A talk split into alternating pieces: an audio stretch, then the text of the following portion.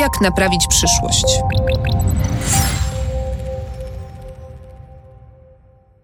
Jak będzie wyglądała szkoła przyszłości? Wiem, że dziś, kiedy szkoły są zamknięte, a zdalne nauczanie niemal rozłożyło cały system na łopatki, to pytanie wydaje się kuriozalne. Ale zastanówcie się. Historia uczy, że nawet najgorszy kryzys może być impulsem do zmian na lepsze. Słuchacie ósmego odcinka podcastu Jak naprawić przyszłość? 25 marca oficjalnie zaczęła się w Polsce edukacja na odległość. Zajęcia w szkołach zawieszono już wcześniej. Początkowo przerwa miała trwać dwa tygodnie, no ale trwa do dziś. Gdy nagrywam ten odcinek, mamy koniec kwietnia i wciąż nie wiadomo, kiedy dzieci wrócą do szkół. Kilka dni temu ministerstwo podało w końcu daty matur i egzaminów ósmoklasistów, ale i one nie są w 100% pewne. Nie zazdroszczę ani tegorocznym maturzystom, ani ósmoklasistom. Egzaminy pewnie będą im się jeszcze przez bardzo długie lata śniły po nocach. Jako koszmar. Edukacja zdalna idzie nam wyjątkowo opornie, ale nie chcę dziś rozmawiać o problemach ze sprzętem, dostępem do internetu, o braku kompetencji cyfrowych. Tak nauczycieli, jak i rodziców, o wykluczeniu niepełnosprawnych i uczniach, z którymi nauczyciele od tygodni nie mają żadnego kontaktu. O tym wszystkim świetnie piszą Anna Wittenberg w dzienniku Gazecie Prawnej i Justyna Suchecka w serwisie tvn24.pl.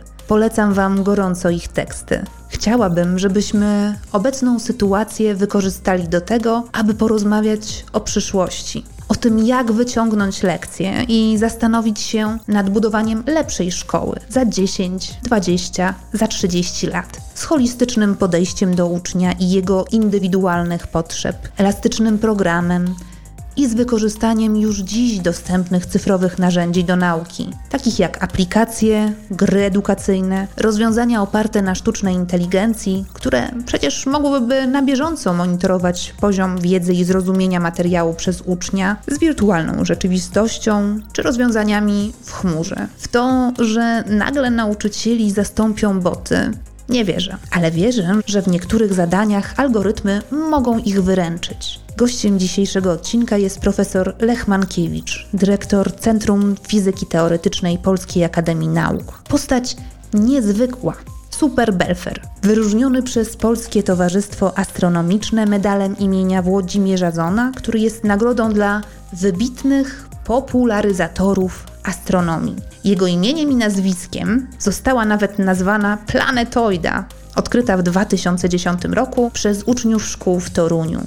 Profesor działa aktywnie w światowym ruchu zachęcającym nauczycieli i rodziców do oswajania się z technologią w szkołach. Jest prezesem Fundacji Edukacja dla Przyszłości, która prowadzi polską wersję Akademii Kana. Co to jest? To największa na świecie platforma udostępniająca za darmo filmy edukacyjne, m.in. z matematyki, fizyki, medycyny, chemii, biologii czy historii. Chodzi o to, że internet to jest subtelne narzędzie i żeby go mądrze i skutecznie wykorzystać, także do edukacji, nie można robić tego metodą my z synowcem na przedzie i jakoś to będzie.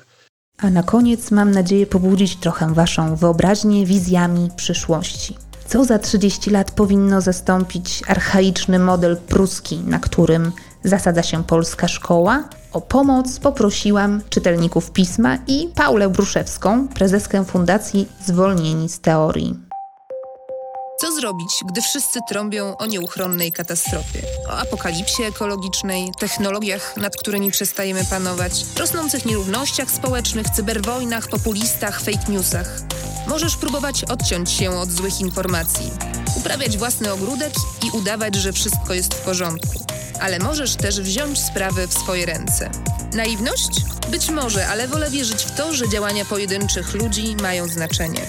O tym, jak naprawić przyszłość w duchu filozofii DIY, czyli naszego swojskiego zrób to sam, będę rozmawiać z naszymi gośćmi, ekspertami z różnych dziedzin. Postaram się też namówić ich do tego, by weszli w buty futurologów i spróbowali opisać, jak będzie wyglądał interesujący nas wycinek rzeczywistości w 2050 roku. Nazywam się Barbara Sowa i w imieniu magazynu Pismo zapraszam do słuchania podcastu. Fundację Pismo, wydawcę magazynu Pismo i podcastu Jak naprawić przyszłość, wspiera Orange. Pomyślcie o tym, jak bardzo świat zmienił się przez ostatnie 200 lat. Szkoła, której podwaliny powstały właśnie na początku XIX wieku w zmilitaryzowanych Prusach, takiej rewolucji nadal się nie doczekała. Dzieci podzielone na roczniki, klasy z ławkami, które są ustawione w rzędach, tablice. No owszem, w wielu miejscach interaktywne, ale co z tego, skoro nie wszyscy potrafią z nich korzystać? Podręczniki, oceny, egzaminy, odgórnie narzucony program z kuciem na pamięć dat panowania królów i budowy rozwielitka, nauczyciel, który ma budzić postrach i uczeń, bierny uczestnik lekcji. No pewnie mogłabym tak wymieniać długo. Celowo pomijam tu przykłady udanych eksperymentów, które od systemu humboldtowskiego odchodzą. Nawet jeśli wytyczają pionierskie ścieżki w edukacji, to tylko wybrani mogą z nich skorzystać. Posłuchajcie rozmowy z profesorem Lechem Mankiewiczem. Zacznijmy od tego, że jesteśmy chyba w takim momencie, w którym szkoła została rzucona na głęboką cyfrową wodę, tak bym to określiła. Bo pandemia to chyba taki test dla systemu. I teraz pytanie, czy szkoła go oblała, czy zdała na dwóje na szynach? Jak pan ocenia? Pani, ja mam inną analogię, która moim zdaniem jest y, lepsza. To znaczy, Warren Buffett powiedział, że kiedy przychodzi odpływ, widać, kto kąpał się bez majtek. Nie ma jednoznacznej odpowiedzi na pytanie, czy szkoła zdała, czy nie zdała egzaminu. Ci, którzy są rzeczywiście nauczycielami z powołania, ale też z charakteru, to znaczy nie tylko uczą, ale i nie boją się sami uczyć, no ci dość szybko zorganizowali jakieś sensowne zajęcia, choć nie można powiedzieć, żeby ktoś w tym im specjalnie pomagał każdym razie nie Ministerstwo Edukacji Narodowej. No natomiast ci, którzy wykonują po prostu zawód nauczyciela, no to wykonują go nadal tak samo, jak robili to zawsze. Wysyłają dzieciom mailem przez Librusa zadania do zrobienia i chcą je potem rozliczać z dnia na dzień taką mamy rzeczywistość. Pytanie, czy ta sytuacja, czy lockdown i zamknięcie szkół i konieczność prowadzenia zajęć zdalnie wymusi jakąś rewolucję, przyspieszy tą rewolucję? Nie ma się co oszukiwać. To tak nie działa. Dzisiaj ktoś przysłał mi takiego mema, że w twojej firmie tam za cyfryzację odpowiedzialny jest IT 5%, HR 3%, dyrekcja 2% i koronawirus reszta, tak? To nie jest takie wszystko proste.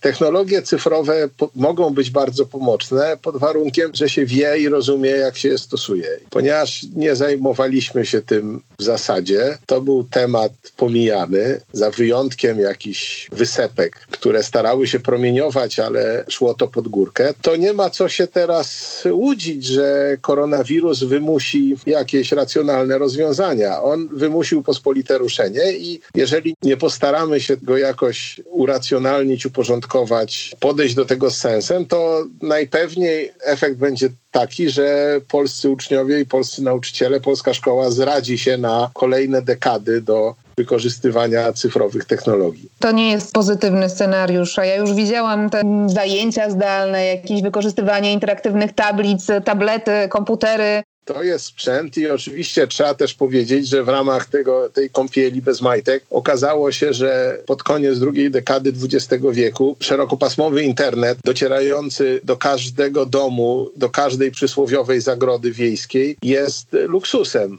jest niebytem, nie istnieją takie rozwiązania. Politycy mają usta pełne frazesów o konieczności wyrównania szans, podczas gdy stosunkowo najprostsza metoda stworzenia tej szansy, to znaczy stworzenie możliwości, żeby dzieci jak Polska długa i szeroka i młodzież miały te same szanse, jeśli chodzi o dostęp do wiedzy, która znajduje się w internecie, którą można przez internet przekazywać, do nauki, którą można za pomocą internetu organizować, że to wszystko jest bójda na rysorach. Nic takiego się nie dzieje i ja zapewniam panią, że światłowody to nie jest droga technologia. Jest to bardzo pojemny nośnik, Mówi Pan o takich technologicznych, technicznych barierach, bo już chciałam zapytać o to, kto lub co jest największym hamulcowym pozytywnych zmian. I myślałam sobie, że to są, no, że moglibyśmy tutaj wymienić, nie wiem, no, nauczycieli, dyrektorów. Rządy, Ministerstwa Edukacji niespecjalnie i to niezależnie od tego, kto był aktualnie przy władzy, interesowały się potencjałem, jaki obudził się kilkanaście lat temu w internecie, jeśli chodzi o wykorzystanie internetu do edukacji publicznej. Częściowo dlatego pewnie, że ta dyskusja się toczyła po angielsku, a my nie jesteśmy najmocniejsi w tym języku. Częściowo z takiego poczucia, że nasza chata z kraja i co tam nam ktoś będzie mówił, co można zrobić. No i teraz się okazało, jak ta sytuacja wyszła na jaw, jak ta sytuacja wygląda. Chodzi o to, że internet to jest subtelne narzędzie i żeby go mądrze i skutecznie wykorzystać, także do edukacji, nie można robić tego metodą my z synowcem na przedzie i jakoś to będzie. Trzeba się zastanowić, trzeba mieć jakieś rozpoznanie potrzeb, trzeba wiedzieć, jakie się ma środki, jakie się ma możliwości, dopasować jedno do drugiego, ułożyć jakiś plan i następnie go konsekwentnie realizować. I to też nie tylko dotyczy samych technicznych problemów. Dzwonię do znajomej dziennikarki, ona mówi, że pisze tekst o dzieciach, z którymi od 12 marca nie było kontaktu to ja się pytam, a przed 12 marca to z tymi dziećmi było wszystko w porządku, czy po prostu ktoś udawał, że nie widzi problemu? To nie jest tak, że te problemy się wszystkie urodziły, jeśli chodzi o problemy uczniów, z utrzymaniem się czy, czy, czy z dostępem do szkoły związane z wieloma różnymi toksycznymi relacjami i przeciwnościami, jakie ci uczniowie mają, nie narodziły się 12 marca, tylko istniały od zawsze i tylko po prostu nikt na to nie zwraca uwagi. Natomiast technologia może pomóc, dlatego że krzyk się podniósł, że dzieci nie mają laptopów, ale taka platforma jak Akademia Khana ma aplikację mobilną, która może nie jest doskonała, ale całkiem nieźle sobie radzi. Potrafi zastąpić laptop i od biedy dziecko, a nawet w zasadzie nie od biedy, ma te same możliwości uczestnictwa w tym procesie, co gdyby miało laptop internet w komórkach też jest bardzo powszechny. Więc gdybyśmy zdawali sobie sprawę, na co trzeba zwrócić uwagę, to byśmy pewnie potrafili to zorganizować lepiej, ale do tego potrzebna jest wiedza, a nie pospolite ruszenie. A może to trzeba właśnie wykorzystać ten moment do zbudowania jakiejś strategii? Może to jest taki moment, który uzmysłowi przede wszystkim mam wrażenie politykom, ale też ludziom pracującym w oświacie, którzy niekoniecznie tak jak pan czy grupy superberfów zdają sobie sprawę z konieczności zmian. Może właśnie trzeba teraz bić na alarm i wykorzystać tą sytuację, żeby wprowadzić jakieś pozytywne zmiany. Rozumiem, że troszeczkę w tym duchu rozmawiamy, natomiast ja teraz komunikuję po różnych konferencjach zdalnych i muszę powiedzieć, że kiedy kiedy na jakimś tam spotkaniu wypowiadał się przedstawiciel Chin, to mi ciarki szły po plecach, dlatego że Chińczycy postanowili wykorzystać ten kryzys, żeby zacząć swoim systemem na różne sposoby. Będzie olbrzymi zastrzyk technologii do chińskich szkół, będzie olbrzymi zastrzyk wykorzystywania źródeł internetowych, oczywiście tych dozwolonych. Chińczycy nie byliby Chińczykami, gdyby przy okazji jeszcze nie zrobili to, tego w ten sposób, że owszem, będą mieli najnowocześniejszą platformę na świecie, ale ona będzie całkowicie scentralizowana. No i wykorzystana pewnie do jeszcze totalnej inwigilacji. Internet jest naprawdę wielkim źródłem wiedzy, a oni są olbrzymim krajem i mają w związku z tym mnóstwo zdolnych młodych ludzi. Jeżeli uda im się połączyć tych młodych ludzi z tym źródłem wiedzy, to powinniśmy się naprawdę zacząć bardzo bać. Prowadzimy taką rozmowę o systemie i to jest pierwsza taka rozmowa, którą mam przyjemność prowadzić. Ja opowiadałem w różnych wywiadach o tym, że internet, że informacja zwrotna, że platformy mobilne, to znaczy aplikacje mobilne, ale to było na samym początku. To rozumiem, dziennikarze rozmawiający ze mną uważali, że to są pewne ciekawostki. Dzisiaj gołym okiem widać, jak bardzo brakuje nam systemowej refleksji. I o wielu rzeczach można mówić. Nauczyciele rzucili się do produkowania własnych zasobów. Widać, że czują odpowiedzialność za przekaz, ale z drugiej strony to nie jest tak, że nauczyciel musi wszystko teraz nagrać na tablecie graficznym. Rozumiem, że producenci tabletów graficznych liczą pieniądze, dlatego że jest bardzo dużo źródeł w internecie, które mogą mu pomóc. Nauczyciele bardzo skarżą się na to, że muszą sprawdzać zadania domowe. Mamy taką platformę. Na Khan Academy system sprawdza zadania domowe sam. Ja muszę tylko wyciągnąć wnioski z informacji, która jest mi przekazana, co to tak naprawdę znaczy, że jedna trzecia uczniów źle odpowiedziała na jakieś pytanie. No, to znaczy, że ja to źle wytłumaczyłem. To jest ocena dla mnie, tak, dla mojej działalności. Nie muszę sprawdzać tego. Oczywiście nie jest to idealne narzędzie. Jak chcę zajrzeć do ich sposobu myślenia, to proszę, żeby napisali mi kilka zdań i wtedy to przeglądam.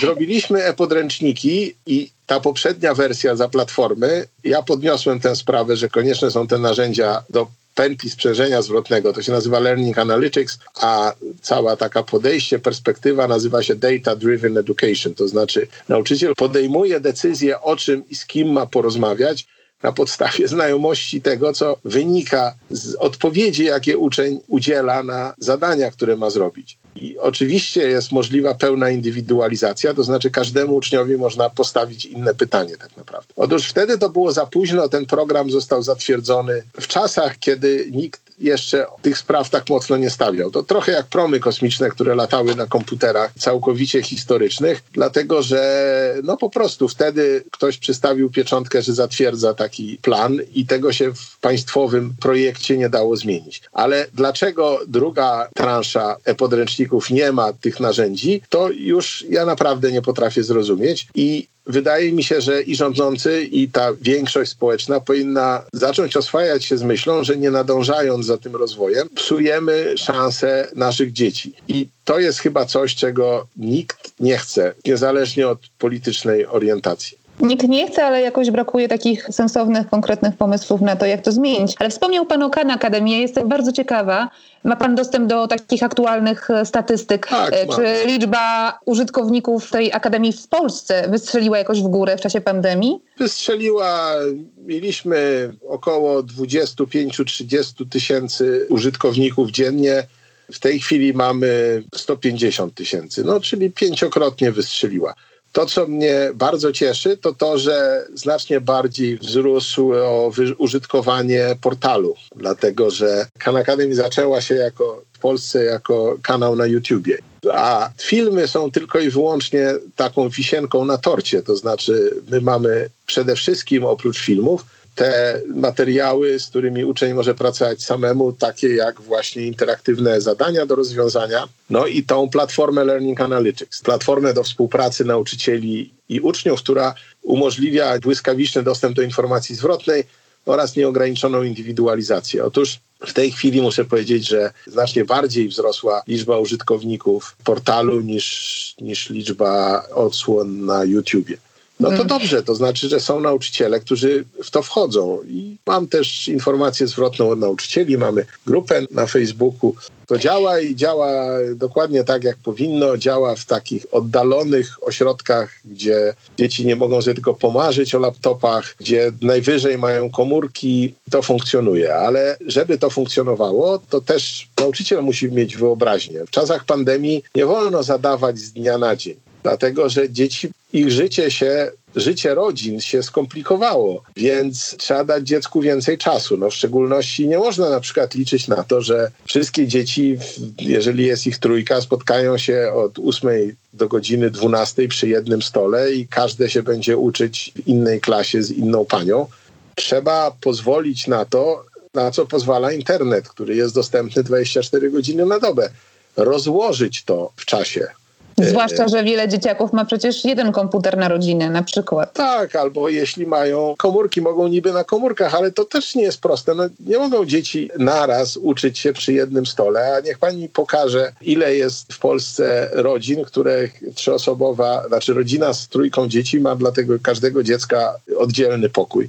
Jeżeli wchodzą sobie na głowy, to znacznie lepiej jest pozwolić im wykorzystać tą własność internetu, która polega na tym, że on jest dostępny bez przerwy. Nie tylko wszędzie, nie tylko dociera, przynajmniej ten w komórce, do dość odległych i generalnie zaniedbanych infrastrukturalnie miejsc. Dociera szybciej niż kolej czy komunikacja publiczna ale też jest zawsze i w związku z tym trzeba pozwolić tym dzieciakom być aktywnym wtedy, kiedy one chcą tego kiedy mają takie możliwości. No gdzieś tutaj ktoś wysyła taką historię, że dzieciak poszedł na obiad, wyłączył kamerkę i mikrofon i pani zadała mu pytanie i jego nie było i teraz dostał dwójkę, a teraz wszystkie dzieci w tej szkole muszą cały czas mieć włączone kamerki. Proszę pana, proszę pani, no dziecko zrobiło najmądrzejszą rzecz na świecie. Rodzina jest pod presją. Mama wezwała na obiad, bo akurat w tym momencie może nakarmić tę rodzinę, jest do tego gotowa to dziecko zrobiło najmądrzejszą rzecz na świecie, że podziękowało, że tak powiem, i zniknęło na pół godziny. A co miało robić?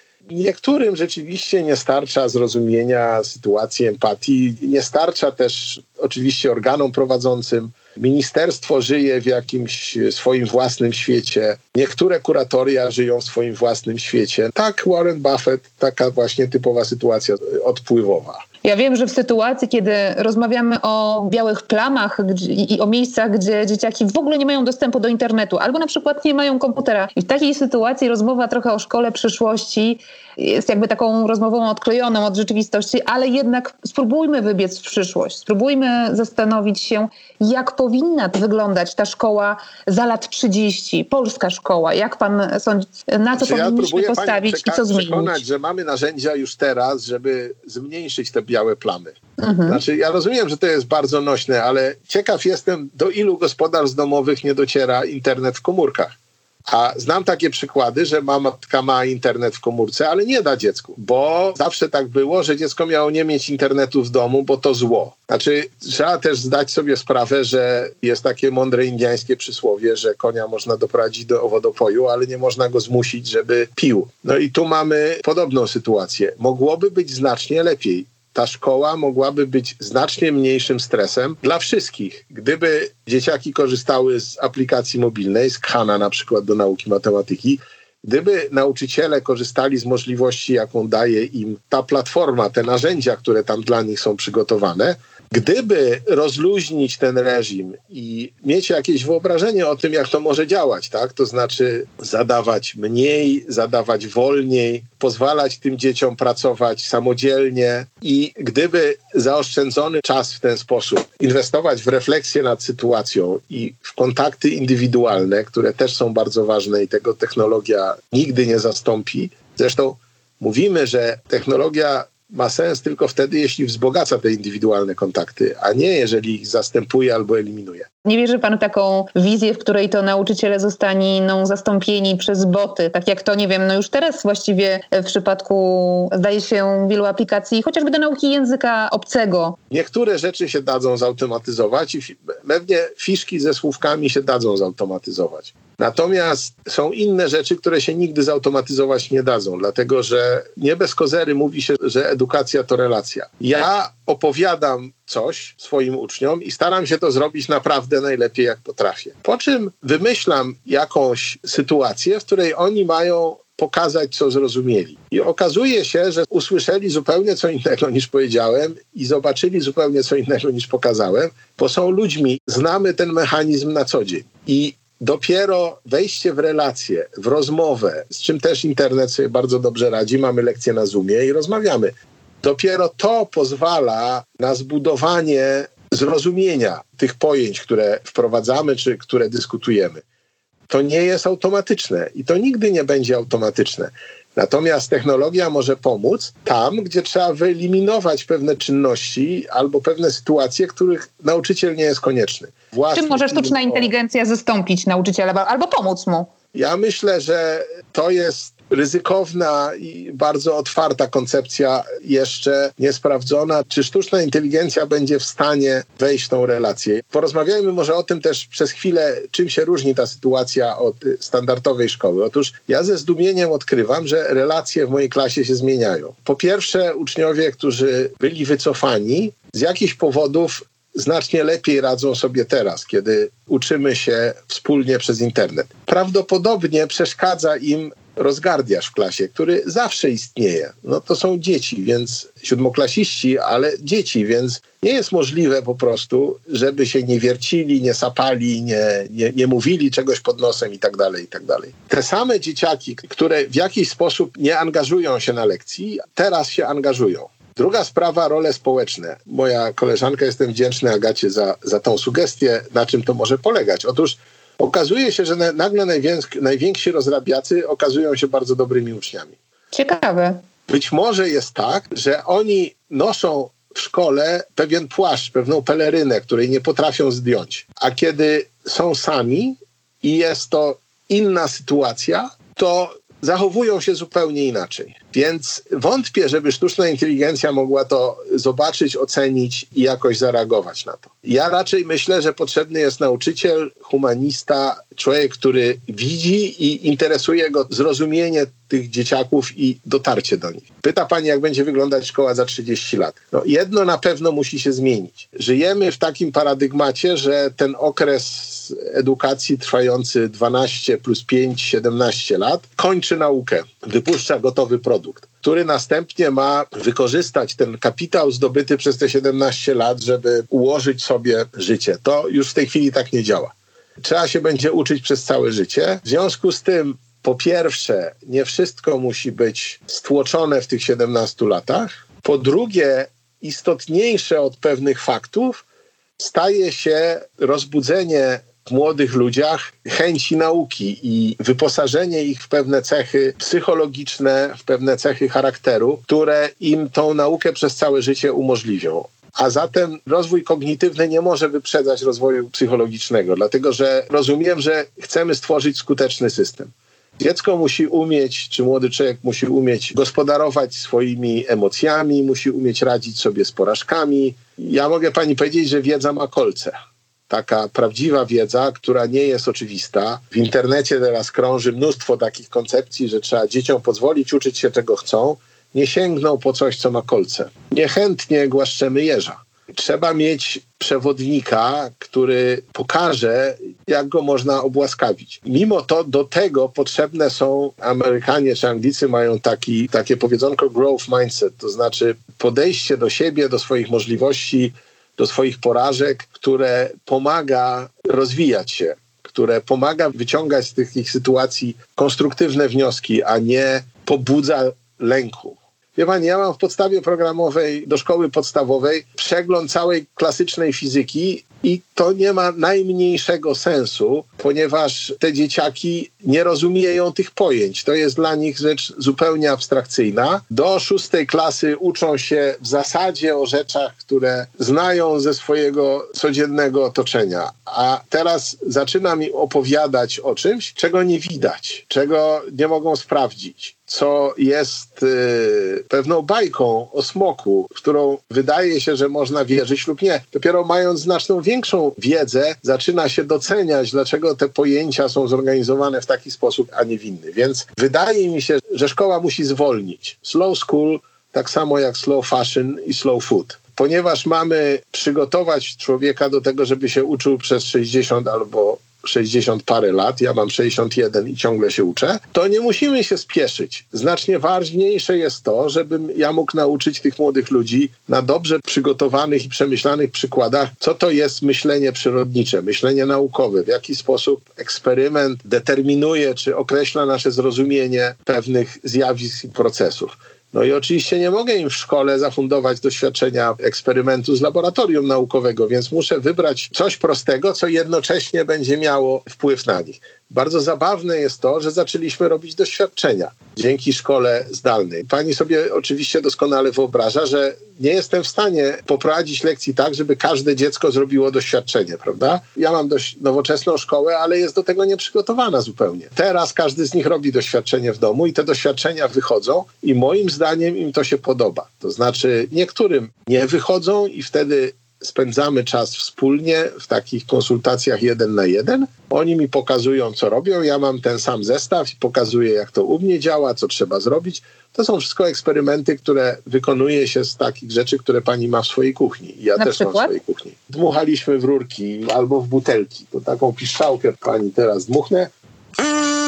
O, i badaliśmy, jak ten dźwięk zależy od tego, jak długa jest ta piszczałka. Ta piszczałka jest ze słomki do napojów, ale też okazało się, i tu żeśmy to sami znaleźli, zrobiliśmy sami takie odkrycie, bo ja zajmowałem się zupełnie inną fizyką i nie jestem specjalistą od akustyki, że butelki na przykład działają inaczej niż takie słomki i że jest teoria, jeśli chodzi zupełnie prosta, ale wygląda na, na sensowną. dotycząca tego, w jaki sposób powstaje dźwięk, jak się dmuchnie w taką szyjkę od butelki i zmierzyliśmy i rzeczywiście dostaliśmy to, co ta teoria przewiduje. Wie pani, umówmy się, że pokazywanie dzieciom doświadczeń jest bez sensu, dlatego że one muszą to wziąć do ręki i same spróbować. Dopiero wtedy uczą się jeszcze tego wszystkiego, co jest potrzebne, to znaczy zborności, ogarniania, radzenia sobie z problemami, bo tu coś wychodzi inaczej niż myślałem, że wyjdzie i trzeba z tym coś zrobić. Ta szkoła w tej chwili ma swoje olbrzymie zalety. No więc jeżeli pani pyta, jaka będzie szkoła za 30 lat, zupełnie inaczej będą rozłożone akcenty. Pojawią się zupełnie inne przedmioty, zniknie podział na matematykę, historię, fizykę, a pojawi się, nie wiem, nauka krytycznego myślenia czy cyberbezpieczeństwa? Ja myślę, że przedmioty przyrodnicze, tak zwane science, zostaną jakoś zreorganizowane w jedno, tak bym powiedział. To jest bardzo możliwe. Fizyki można uczyć na przykład na przykładach czy na procesach, które zachodzą w żywych organizmach, i mi się wydaje, że to jest bardzo sensowny kierunek. Natomiast zmieni się też podejście, w sensie nie będzie takiego wtłaczania informacji do głowy na czas. Poloniści mają w siódmej i ósmej klasie 21 lektur to jest naprawdę duże obciążenie tych dzieciaków. I nie jest dla mnie jasne, czemu to służy, bo powinno służyć rozbudzeniu zainteresowania książką, czy też przekazem. To już dzisiaj może być audiobook albo e-book, albo coś takiego. Natomiast no, trudno pod presją, trzeba naprawdę mieć wielki talent. Całe szczęście, że polonistka, którą znam, ma taki talent, ale trzeba mieć naprawdę wielki talent i wkładać mnóstwo pracy, żeby tych dzieci nie zajechać. Już nie mówiąc o tym, że one pod takim obciążeniem mają mniej czasu na przykład na fizykę, czy mniej siły. Wyjdziemy raczej nie z paradygmatu takiego, że jest lista spraw, które trzeba odhaczyć. Zaczniemy myśleć o tym, kim ma być i co ma sobą reprezentować, jaki kapitał emocjonalny, psychologiczny i kognitywny oczywiście także ma mieć człowiek, który wyjdzie z tej szkoły wprawdzie, ale dalej będzie podążał tą ścieżką już bardziej samodzielnej nauki. No właśnie, bo kogo ma wykształcić ta szkoła przyszłości tak naprawdę? Obywatela, otwarty umysł, patriotę, bo przecież dzisiejsza szkoła kształci głównie patriotów. Jolani, z tym patriotyzmem to też jest delikatna sprawa, ale może nie wchodźmy w ten temat. Natomiast ja myślę, że to powinni być ludzie, którzy umieją myśleć, rozumieją świat, rozumieją także emocje, potrafią te emocje ogarnąć. Na pewno jedni lepiej, drudzy gorzej, ale to, kim są, zawiera także oprócz takiej czy innej wiedzy dojrzałość emocjonalną. No może to jest najważniejsze słowo w tym wszystkim. I lubią się uczyć. Nie boją się czują, że wiedza jest dla nich kapitałem, który będzie procentował. No to jest już choćby z tego powodu konieczne, że środek ciężkości świata przenosi się w kierunku takich krajów jak Chiny czy Indie i tam młodzieży patrzącej na świat w ten sposób jest bardzo wiele.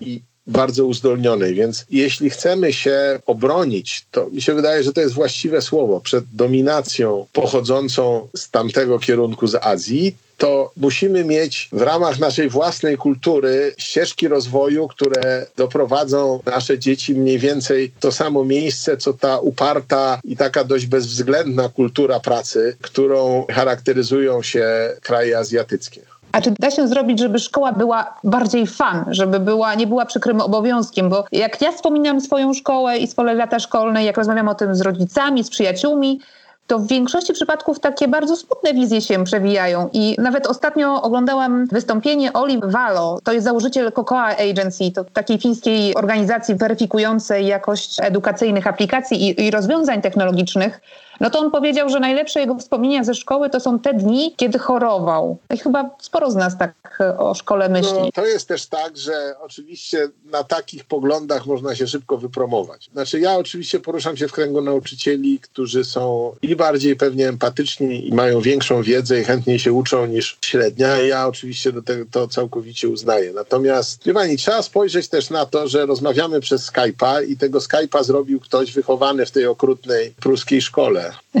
No tak. W zasadzie konsekwencje tej zmiany docierają do nas bardzo powoli. Wie pani, to nie jest takie wszystko bardzo proste. Jest bardzo wiele dobrych szkół w Polsce i myślę, że jest ich coraz więcej i jeżeli coś można powiedzieć, to raczej to, że te ruchy oddolne nabierają rozpędu i nabierały rozpędu konferencje. Nauczyciele sami sobie organizują. Wspomniała pani Superbelfrów, ja też jestem Superbelfrem i są te konferencje typu Edu Inspiracje albo Edu Moc. Edu Moc to jest jedyna chyba na świecie konferencja organizowana przez nauczycieli dla nauczycieli w przestrzeni internetu i tam uczestniczy w tym kilka tysięcy osób. Dwa czy trzy dni temu była konferencja na temat pedagogiki uczniów ze specjalnymi potrzebami edukacyjnymi. Też organizowali to między innymi Superbelwszy, ale z upoważnienia innej instytucji, ja już Learnetic chyba się nazywa. I wie pani, tam było tysiąc miejsc na Clickroomie, znaczy na Click Meetingu, a zgłosiło się trzy tysiące osób. Oczywiście, że formalnie stan tych dzieciaków potrzebujących wsparcia z SPE jest fatalny, ale jak widać jest bardzo wielu osób, które chcą pomóc i które się interesują tym, jak pomóc najlepiej, więc ja bym tak na to nie patrzył. Nie, niewątpliwie najłatwiej jest w tej chwili się wypromować, krzycząc, że to wszystko jest źle, do bani i tak dalej, ale musimy bardzo uważać, żebyśmy nie stworzyli systemu, który będzie produkował komary, ludzi komary, to znaczy takich, którzy niczego się tak naprawdę nie nauczyli. Ja podkreślam, wiedza ma kolce i trzeba mieć pewną siłę psychiczną, żeby zaufać sobie w procesie rozwoju kognitywnego. Główny problem polega na tym, że to, co my w tej chwili oferujemy, jest dramatycznie nieskuteczne, jest przeciwskuteczne, odrzuca ludzi od tej ścieżki. Wydaje mi się, że naszym zadaniem jest zreformowanie tego w taki sposób, żeby więcej uczniów, choć nie wszyscy, bo ludzie są różni, nie każdy musi akurat się jakoś widzieć na ścieżce w tym kierunku, żeby więcej uczniów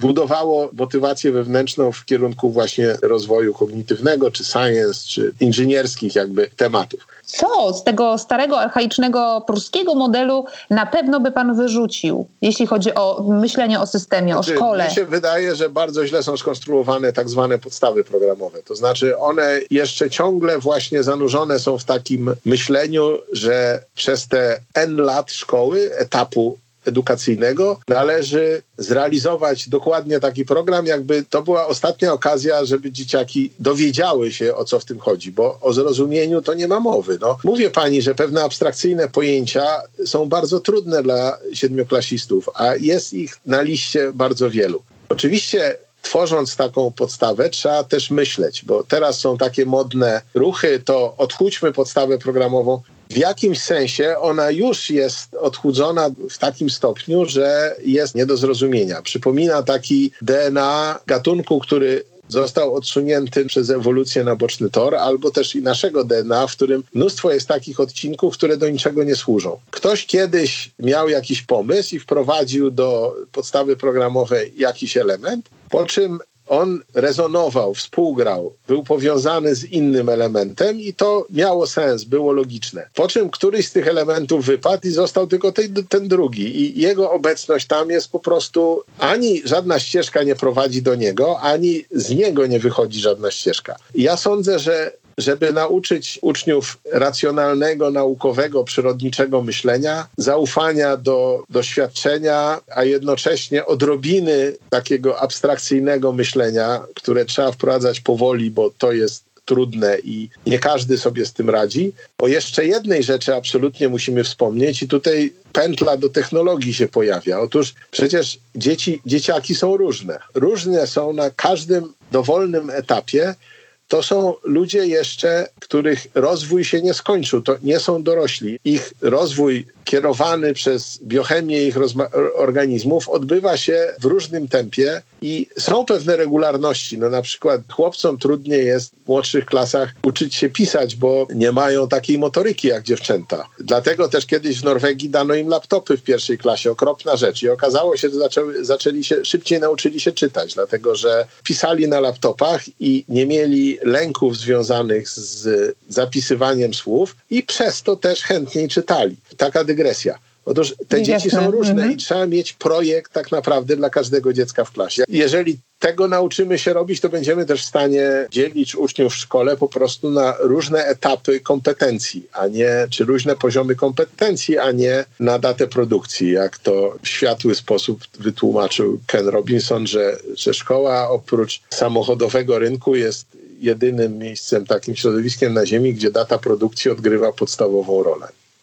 To bardzo ciekawe porównanie. Ale ja chciałabym jeszcze zapytać o inne takie formalne, bo to jest jeden z takich formalnych wynalazków szkoły, że się dzieli dzieci na roczniki, tak? A inne takie, form, takie formalne wynalazki typu, nie wiem, no chociażby ławka, krzesło, tablica, czy chociażby sam budynek szkolny, no bo rzeczywiście szkoły przecież bardzo często mieszczą się w jakichś budynkach zabytkowych. Czy tutaj jest miejsce na zmianę, jeśli myślimy sobie o, e, o, o szkole przyszłości? No tak, no to jest fatalne. To znaczy, oczywiście znowu jest tak, że podstawówka, do której chodziła moja córka, to jest zabytkowy budynek i oczywiście on był jed, jedynym budynkiem ocalałym po wojnie w tej okolicy i komuniści, którzy w niektórych wypadkach no rzeczywiście realizowali swój program, umieścili tam szkołę, bo jakby no to była element ich filozofii. Dzisiaj to jest dramat, czy był dramat tych ładnych parę lat temu, dlatego że ani remontu nie można było zrobić. Wie pani, no, znam szkołę, która się mieści w kontenerach i to jest rewelacja, dlatego że jeżeli trzeba zrobić aulę, przestrzeń też odgrywa bardzo ważną rolę.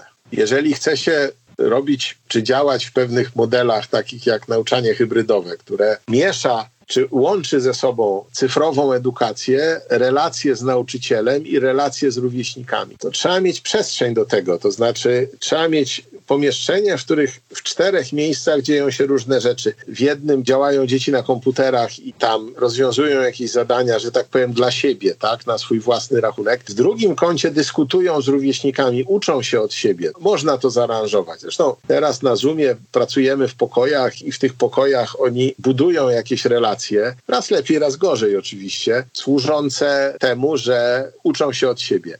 W trzecim miejscu niewielka grupka rozmawia z nauczycielem, tak? Właśnie jest ten face to face. Dyskusja, rozmowa, nauczyciel, który wie, zna wyniki tych dzieci, wie, o czym trzeba z nimi porozmawiać, gdzie są ich no, misconceptions po angielsku, znaczy tam, gdzie są te punkty niezrozumienia, tak, czy nieporozumienia. No i oczywiście nie da się też w takim miejscu uniknąć czwartego miejsca, gdzie dziecko na przykład, jeżeli ma zły moment i jest zmęczone, to się może położyć. No dlaczego nie tak naprawdę, tak? Albo jeżeli potrzebuje chwili dla siebie, to w tym czwartym kącie. No to teraz niech pani sobie wyobrazi taką szkołę murowaną, pochodzącą z lat 30. ubiegłego wieku i niech pani sobie spróbuje wyobrazić, jak tam zorganizować coś takiego. No jest to moim zdaniem fizycznie niemożliwe, a jest to zabytek, więc przebudować tego też nie można. Pytanie, czy rozwiązaniem nie jest teraz Zoom, a być może w przyszłości wirtualna rzeczywistość i taka możliwość budowania wirtualnych pokojów, wirtualnych klas. że to wszystko są bardzo fajne rzeczy, oddziałują na wyobraźnię, ale póki pani nie będzie miała metody na to, żeby zobaczyć, co się z tą, co z tej wyobraźni wyszło, to dopóty uczenie się będzie nieskuteczne. To dopiero dorosły człowiek potrafi ocenić, mając pewną, pewien potencjał, wiedząc coś.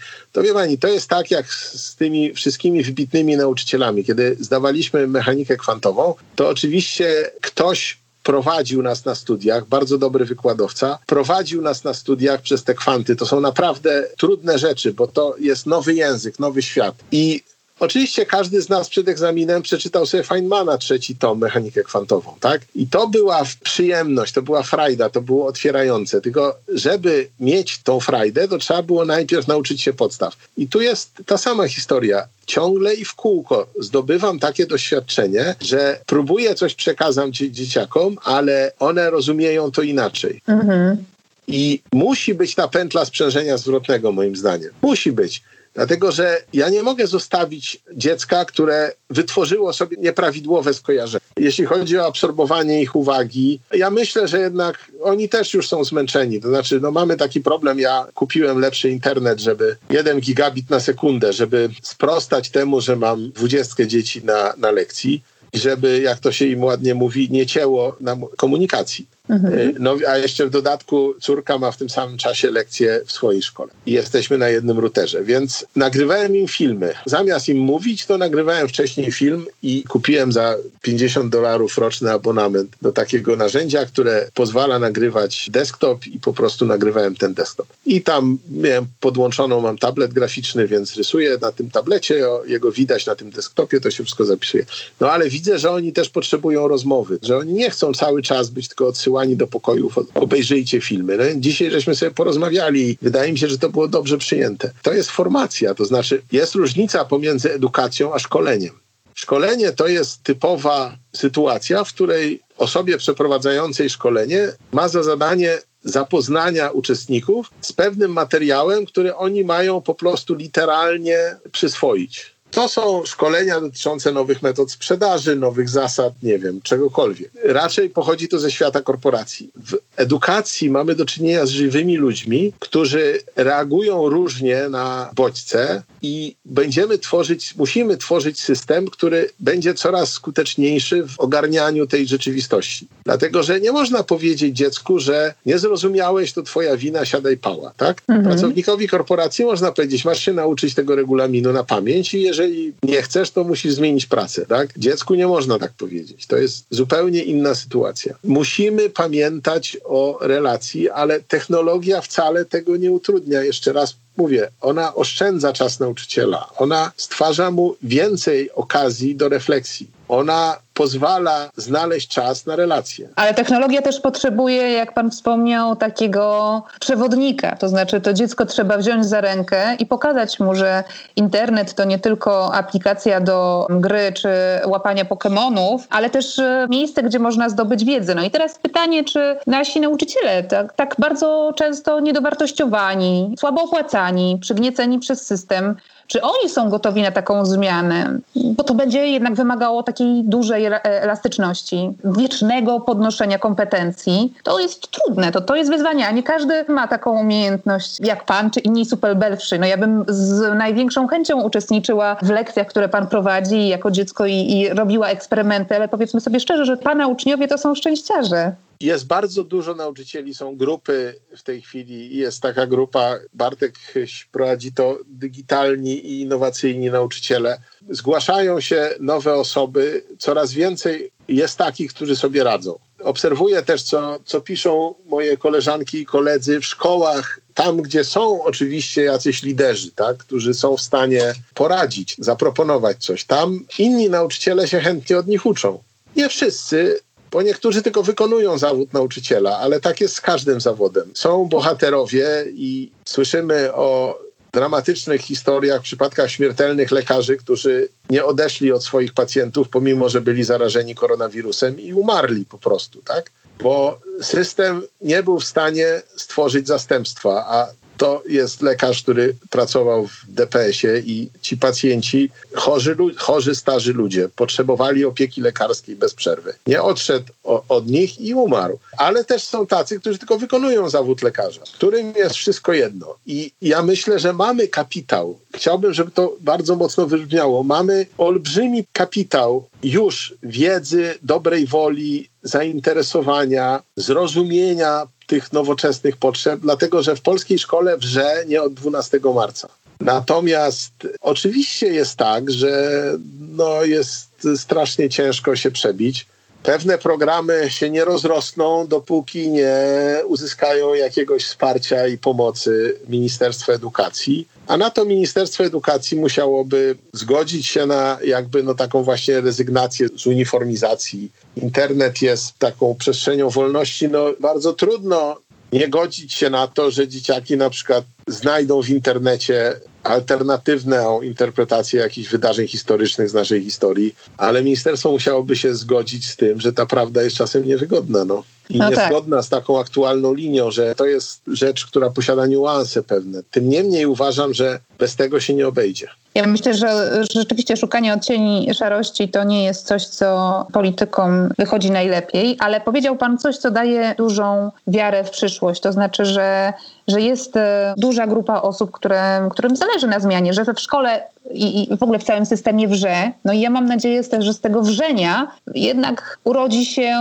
coś dobrego, coś lepszego. Zawsze staram się kończyć podcast e, takim pozytywnym głosem, ale też pewnymi wskazówkami, radami. I też być może w związku z tym, że ma Pan olbrzymie doświadczenie, prowadzi Pan też zajęcia teraz zdalnie z dzieciakami, to chciałabym Pan prosić o parę wskazówek na koniec dla nauczycieli, którzy się borykają z tym problemem. Gdzie mają szukać pomocy? Gdzie mają szukać jakiejś takiej właśnie podpowiedzi, co robić, jak sobie radzić z nauczaniem zdalnym? Nie tylko Khan Academy, prawda? Co mógłby Pan polecić? Najlepiej chyba jest poszukać w swoim najbliższym otoczeniu kogoś, komu to dobrze idzie. No. Ja szukam inspiracji do doświadczeń na YouTubie po prostu. No a gdzie mam szukać tak naprawdę, co można fajnego zrobić? Bo teraz bardziej mi zależy na tym, żeby te dzieciaki robiły doświadczenia, bo czas jest wyjątkowy, niż na tym, żeby realizować jakąś linię podstawy programowej etap za etapem. Bo kiedy wrócą do szkoły, to już nigdy nie będę w stanie z nimi tych doświadczeń robić, chyba że wymyślę jakąś metodę, żeby zachęcić ich do robienia w domu. Natomiast oczywiście YouTube jest taką kopalnią różnych pomysłów.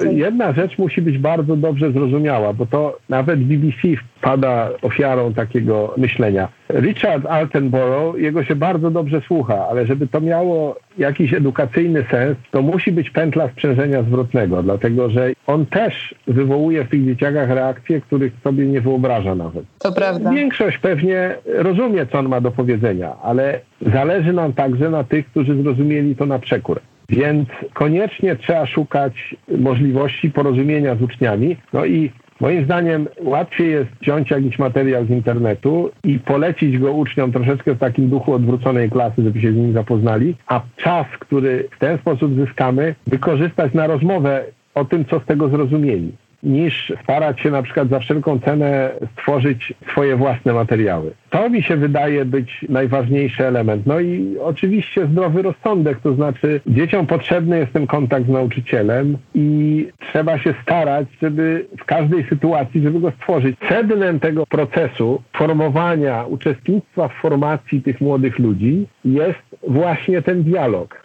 I to jest najważniejsze i o tym trzeba myśleć. No i jeżeli ktoś ma szczęście, trafił na mądrego dyrektora i organ założycielski, to niech idzie tą ścieżką, niech, niech szuka swoich własnych rozwiązań. W jakimś sensie bym też powiedział, zapomnijmy o realizacji podstawy programowej punkt po punkcie, bo to nie jest konieczne. Panie profesorze, bardzo serdecznie dziękuję za rozmowę. Jak naprawić przyszłość?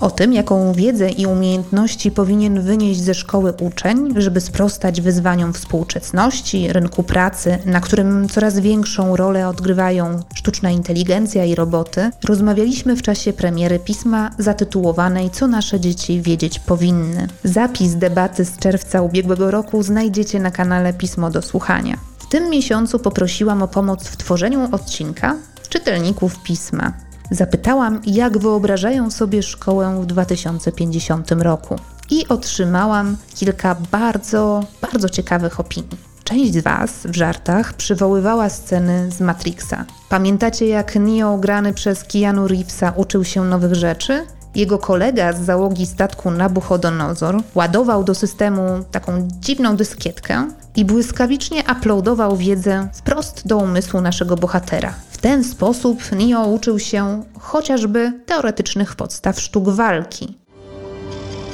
Jiu-jitsu. I'm going to learn jiu-jitsu.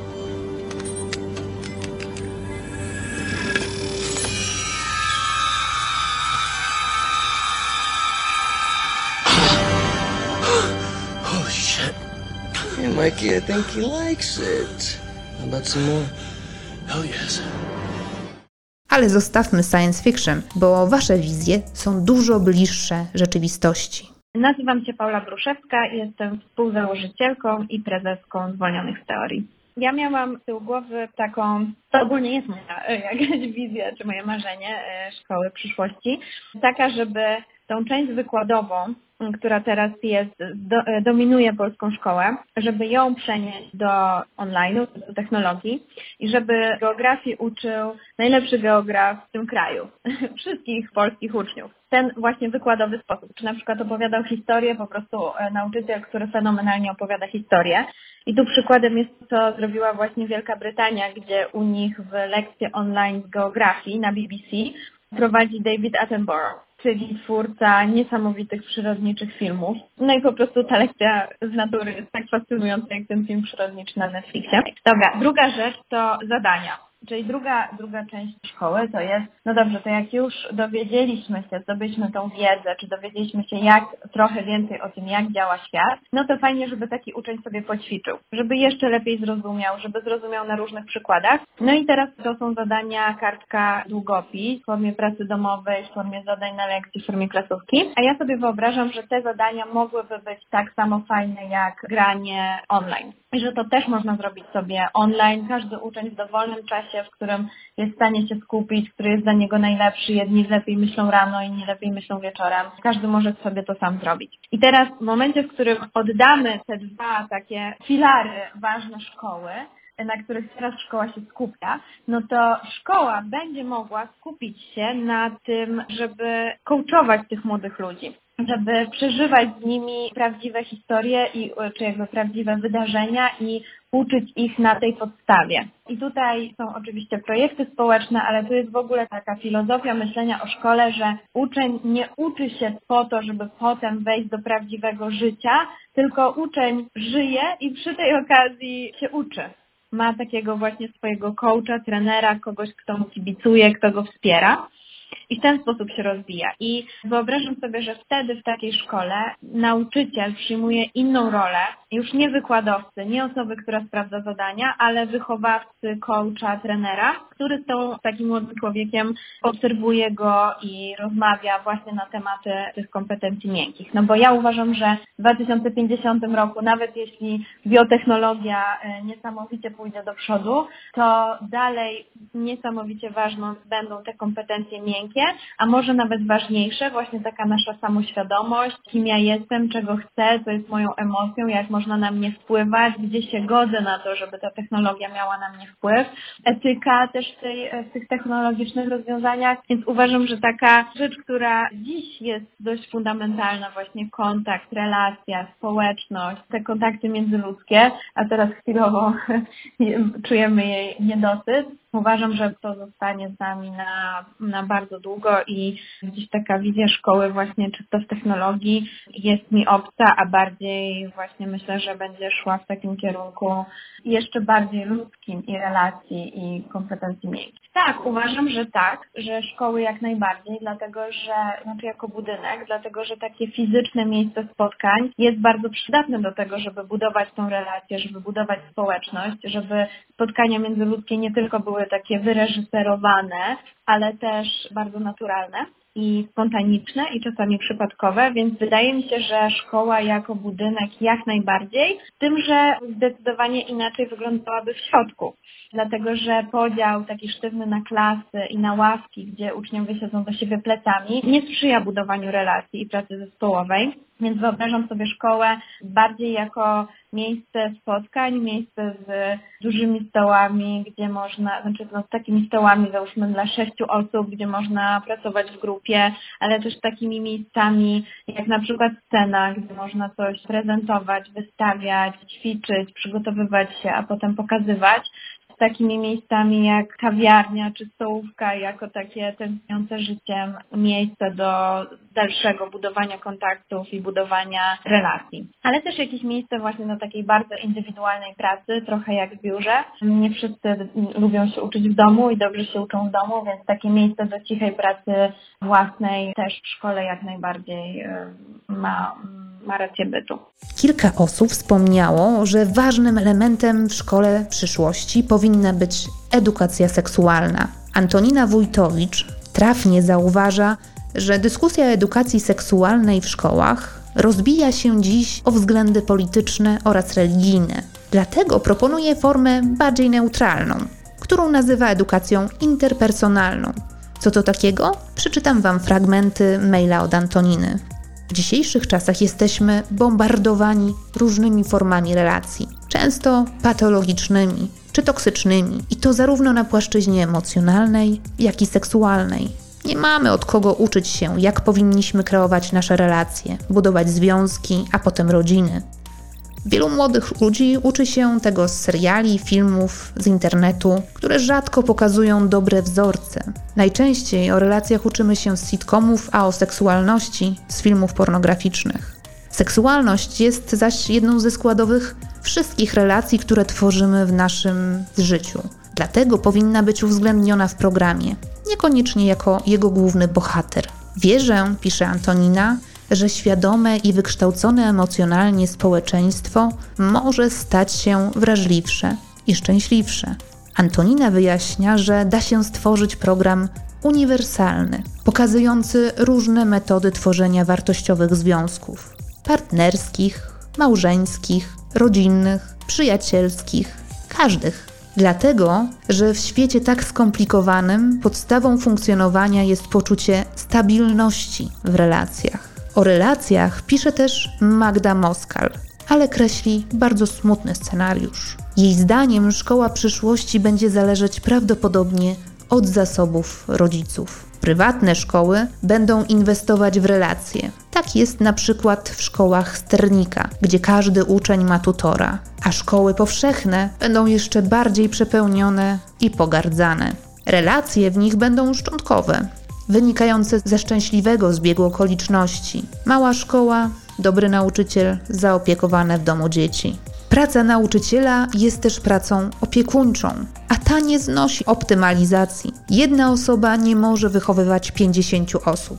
Wniosek? Przyszłość szkoły w obecnym kształcie widzę czarno, pisze Magda. Aż szkoda, że mam młode dzieci. Na inny aspekt szkoły przyszłości zwraca uwagę Marcin Bartosiak, który swoją wizję snuje na bazie doświadczeń zdobytych w Sztokholmie, gdzie 5 lat temu w ramach wymiany młodzieżowej przez tydzień uczył się w liceum. Zdziwiło go, że każdy uczeń otrzymywał tam MacBooka do czasu ukończenia szkoły. Marcin pisze tak. Podejrzewam, że technologiczne standardy ze wspomnianego sztokholmskiego liceum stają się coraz bardziej powszechne w wielu częściach świata. Marcin zwraca uwagę przede wszystkim na pułapki związane ze zmianą podejścia do metody nauczania. Pisze o tym, że konwencjonalny styl nauczania, kojarzony przede wszystkim z zapamiętywaniem definicji i formułek, ustępuje coraz bardziej na rzecz interaktywności i bezpośredniego doświadczania obiektu nauki. I stawia pytanie, czy ten zwrot ku metodzie empirycznej, opartej coraz mocniej na multimediach czy technologiach w rodzaju augmented czy virtual reality, pozwala mówić o pełnoprawnym poznaniu danej materii. Przykład? Czy doświadczenie zjawiska erozji gleby przy użyciu technologii VR na lekcji geografii z powodzeniem zastąpi zajęcia w terenie? Na podobne pytanie można dzisiaj śmiało parsknąć śmiechem. Nie wiem jednak, czy ten śmiech nie ucichnie do 2050 roku, czytam w mailu od Marcina. Po części ma rację. O fatalnych skutkach bezkrytycznego technooptymizmu, jaki towarzyszył nam przez ostatnie dekady, przekonujemy się każdego dnia. Rozsądek jest tutaj więc ze wszech miar pożądany, ale nie oszukujmy się. Nie odgrodzimy naszych dzieci od technologii sztucznym murem. Możemy im nakazywać, żeby wyłączali smartfony w szkole, ale może lepiej pokazać im, jak w tych smartfonach znaleźć edukacyjne gry i rozwijające wyobraźnię kanały na YouTubie. Osobiście chciałabym, żeby w szkole przyszłości było miejsce także na majsterkowanie.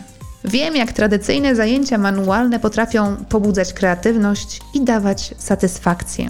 A skoro jesteśmy przy DIY, to na koniec trochę inspiracji spod znaku Zrób to sam jak pokazują przykłady innowacyjnych szkół w Polsce, a są takie, nie tylko prywatne, ale też publiczne, zmiany można wprowadzać także w obrębie obecnego systemu. Wystarczy chcieć. Wiele zależy od dyrektorów i od nauczycieli. Jak to robić? Polecam Wam bloga Oktawii Gorzeńskiej. To jest była dyrektorka i twórczyni zespołu szkół ogólnokształcących nr 8 w Gdyni oraz pierwszej w Europie centralnej Microsoft Flagship School. Linka do jej bloga znajdziecie w opisie podcastu. Gorzeńska jest współautorką poradnika właśnie dla nauczycieli i dla dyrektorów. Zatytułowany jest on Zmiany, innowacje, eksperymenty i można go za darmo pobrać właśnie na jej blogu. Znajdziecie tam nie tylko podstawy prawne do przeprowadzenia eksperymentów pedagogicznych i innowacji, ale też przykłady, choćby na to, jak wykorzystać gamifikację czy design thinking w aktywizowaniu uczniów, albo jak przeorganizować przestrzeń w klasach i budować autorskie programy. Po co to robić? Posłuchajcie, jak tłumaczy to sama Gorzeńska. Oto fragment jej wystąpienia na TEDxie. Ja myślę sobie tak, że jeżeli żyjemy w czasach, kiedy roboty ogrywają nas w szachy, to my dorośli powinniśmy uczyć młodych ludzi, jak wygrywać z nimi w bierki. Bo w bierkach potrzebna jest oprócz znajomości taktyki, jeszcze jest potrzebny spryt i zręczność. Zostawmy fabryki robotom. My nie potrzebujemy z nimi rywalizować. Nauczmy nasze dzieci marzyć, robić wartościowe rzeczy i pięknie żyć. Działać też dla dobra innych ludzi. I niech to będzie podsumowanie dzisiejszych rozważań. Słuchaliście ósmego odcinka podcastu Jak naprawić przyszłość. Ja się nazywam Barbara Sowa i w imieniu redakcji pisma zapraszam za miesiąc. Subskrybujcie nasz kanał Pismo do Słuchania w swoich ulubionych aplikacjach podcastowych, a wtedy nie przegapicie żadnego odcinka. Do usłyszenia. Jak naprawić przyszłość?